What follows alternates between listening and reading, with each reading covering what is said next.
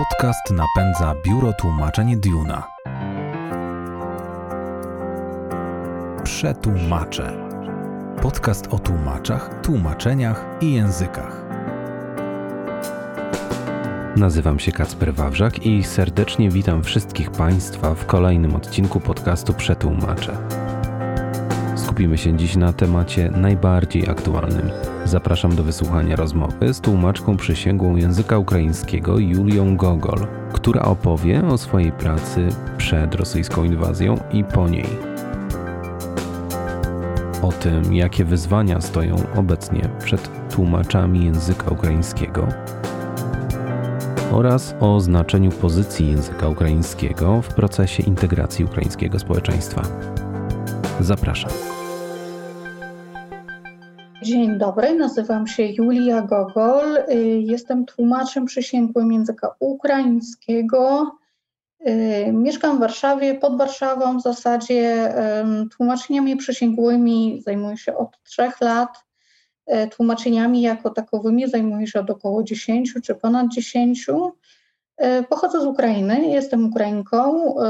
Ym, Od 14, prawie już 15 lat mieszkam w Polsce tak mój los się potoczył, że, że tutaj znalazłam swoje miejsce. Pani Julia, na wstępie wielkie, wielkie dzięki za dołączenie, za odpowiedź pozytywną na, na moje zaproszenie. Wiem, jak gorący jest to okres, no ale teraz właśnie spotykamy się w 15 dniu inwazji rosyjskiej na Ukrainę. Y, Ja chciałbym jednak, żebyśmy na początku wrócili do tego, co było wcześniej. To zdaje się tak, tak strasznie odległe, ale jednak bardzo proszę o, o, o mm, nieco wyobraźni. Przed 24 lutego jesteśmy. Jak wtedy na co dzień wyglądała praca tłumacza przysięgłego języka ukraińskiego?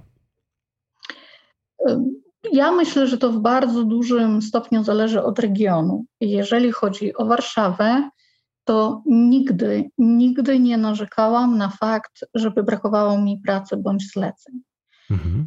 Więc y, przed 24 lutym y, w zasadzie miałam może chwilę wytchnienia gdzieś tam w rejonie świąt Bożego Narodzenia ukraińskich, czyli na początku stycznia.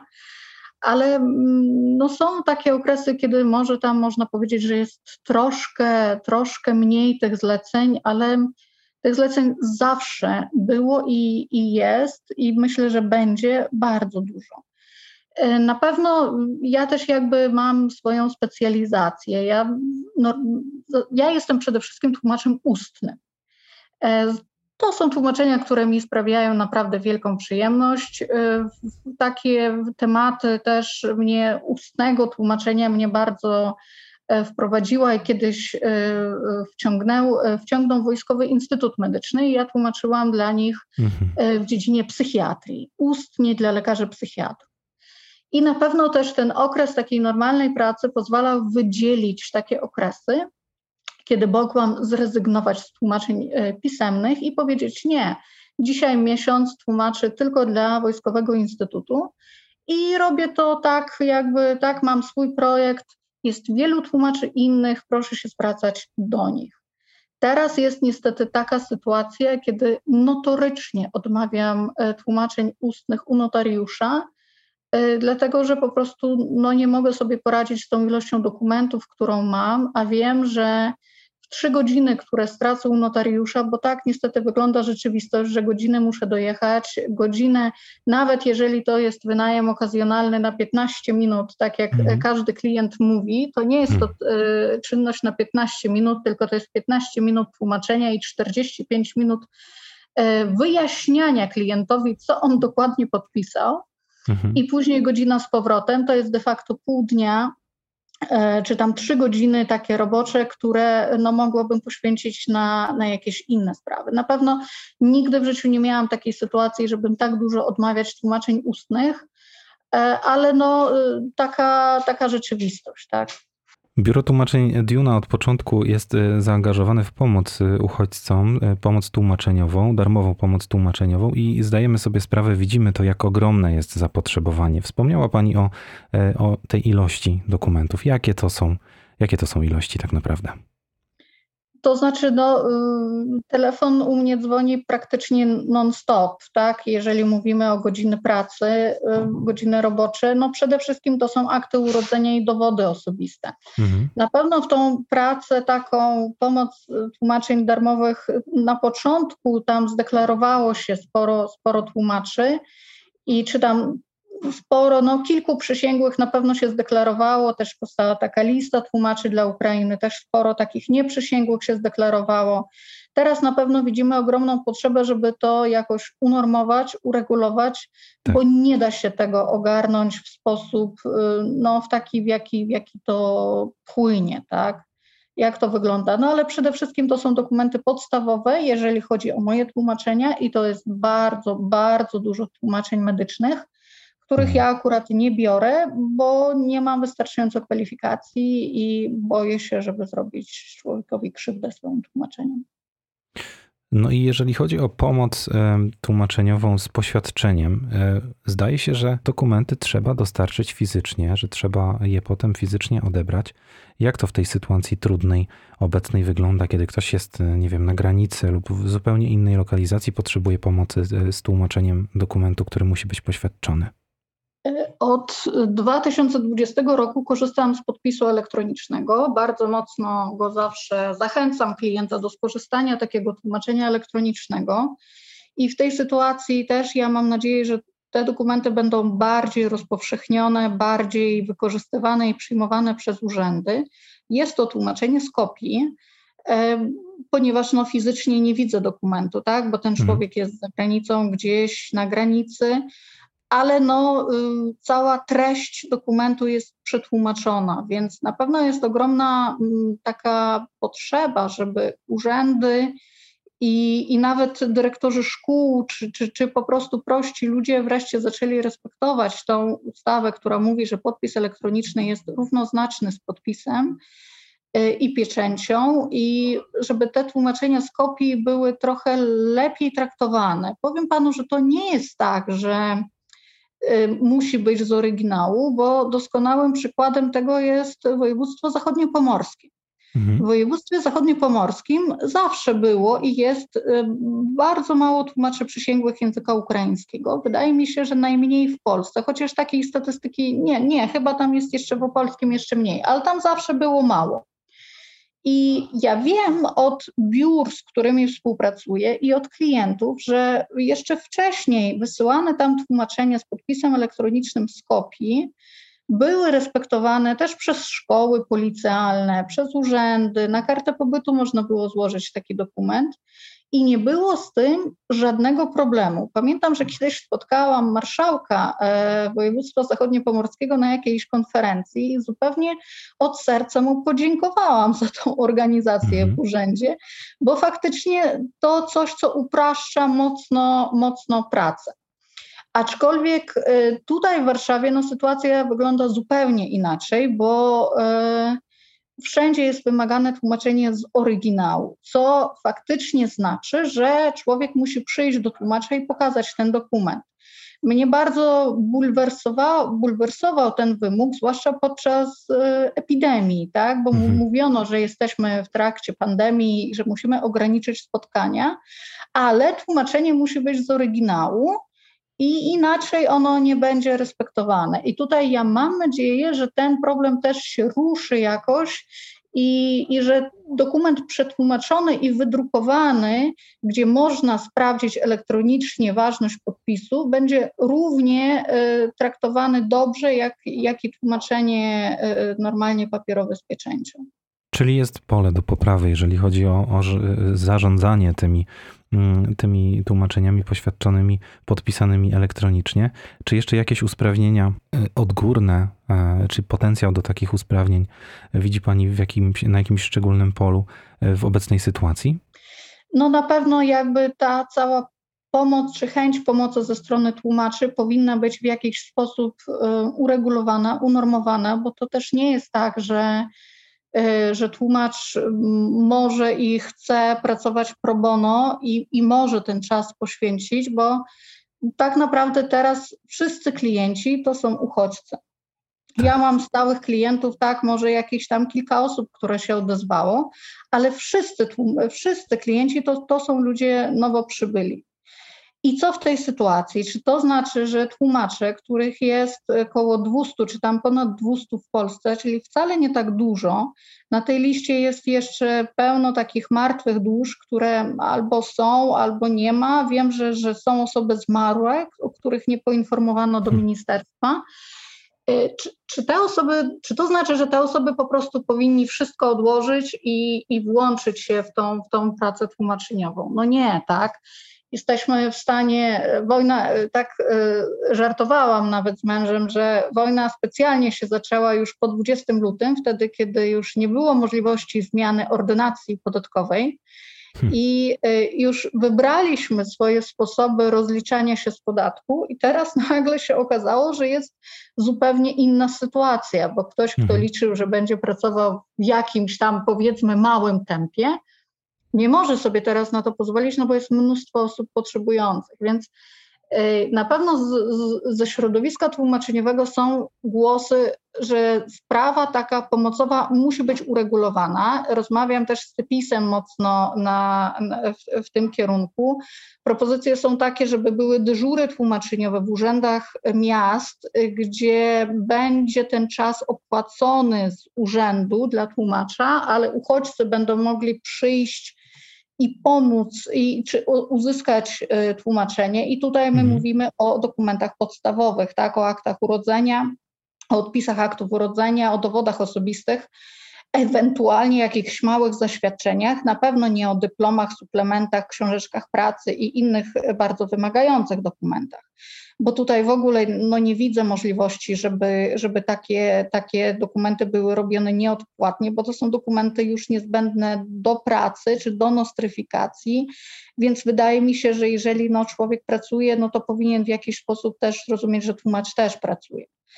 E, więc pomysły są do usprawnienia różne.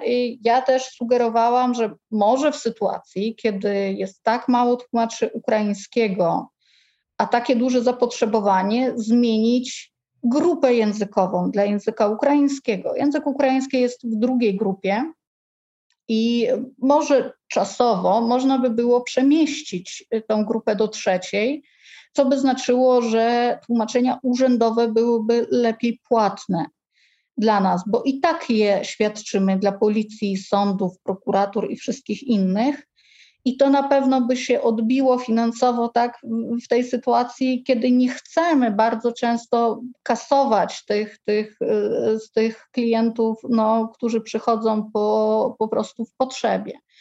Więc tutaj na pewno dużo rzeczy jest do przemyślenia, do, do jakiejś takiej organizacji. Ze swojej strony mogę powiedzieć tylko tyle, że Wczoraj, przedwczoraj byłam w centrum uchodźcy, tutaj najbliżej mojego domu, w Chotomowie, y, gdzie zrobiłam dyżur tłumaczeniowy. I powiedziałam, dzień dobry, ja jestem tłumaczem przysięgłym, ja mogę od ręki Wam zrobić dokumenty, które potrzebujecie, te podstawowe dla szkół, dla dzieci, dowody, żeby tam po prostu zalegalizować się. Na co większość osób powiedziała, w ogóle nie rozumieli, kim jestem i większość osób powiedziała, ale my nie potrzebujemy zapisywać tutaj dzieci do szkoły, my zaraz chcemy wracać na Ukrainę. I patrząc na sytuację, która jest obecnie, ja rozumiem, że ten zawód i takie rozczarowanie dopiero nastąpi u tych ludzi, którzy przyjechali. I ten ogrom pracy dopiero nas czeka, bo, bo oni muszą posiedzieć ten miesiąc, żeby zrozumieć, że muszą się wreszcie ogarnąć, wyjść na ten rynek pracy. Więc to też nie jest tak, że, że teraz, że, że, że teraz to się dzieje, teraz się dzieje, ale teraz się zaczęło. I to już to tempo będzie. Wydaje mi się, że będzie jeszcze, no dopóki, dopóki sytuacja się nie uspokoi, w mojej ocenie to jeszcze się będzie działo parę miesięcy. Takie tempo pracy, jeżeli mówimy o tłumaczeniu. Sytuacja jest bardzo żywiołowa, zmiany pojawiają się z dnia na dzień. To, co dociera do nas e, w mediach, to obraz e, zjednoczonego, bardzo zjednoczonego, dumnego mm, i odważnego społeczeństwa e, ukraińskiego. Proszę powiedzieć, czy tak rzeczywiście jest, czy społeczeństwo ukraińskie to taki, taki monolit, który mm, może postawić się temu ogromnemu zagrożeniu. E, wszyscy oczywiście byśmy tego chcieli. Znaczy, no to już jest coś, co się właśnie zadziało. Mhm. E, faktem jest, że mm, społeczeństwo ukraińskie było dość mocno podzielone, przynajmniej mm, swoją pracę magisterską tutaj w Polsce ja pisałam o tożsamości międzynarodowej e, mhm. Ukraińców. I e, na pewno są takie rozważania, na przykład historyka Jarosława Chrycaka, które mówi, że Ukraina jest, czy tam była podzielona i mieszkała w dwóch E, światach, modernizmie i postmodernizmie. Więc no, były takie różne, e, różne jakby teorie, które mówiły, no, że, że, że to są różne tożsamości, różne podkłady, ale y, sądzę, że ta sytuacja bardzo mocno zmieni też w głowach tych osób, które, które jakoś tęskniły za tym Związkiem Radzieckim. Nie ukrywam, ja też z ciekawością rozmawiam z tymi ludźmi, którzy teraz przyjeżdżają, napływają, też z tymi osobami rosyjskojęzycznymi, których chyba najbardziej ta wojna dotknęła, ponieważ no, Charków jest, jest bardzo mocno, tak? To są poszczególne, to są pojedyncze osoby w Charkowie, które, które utrzymywały mówienie w języku ukraińskim. To są głównie osoby rosyjskojęzyczne i teraz ich postrzeganie, wtedy kiedy oni faktycznie bardzo zostali dotknięci tą, tą wojną, ja myślę, że też zmieni w tej tożsamości. Um, czy może nawet y, jakby ten okres, ja bym powiedziała, od 2014 roku zmienił już dość mhm. dużo w tym myśleniu, ale myślę, że zmieni jeszcze więcej. Jakim będziemy narodem w sensie Ukrai Ukraińcy po tej wojnie?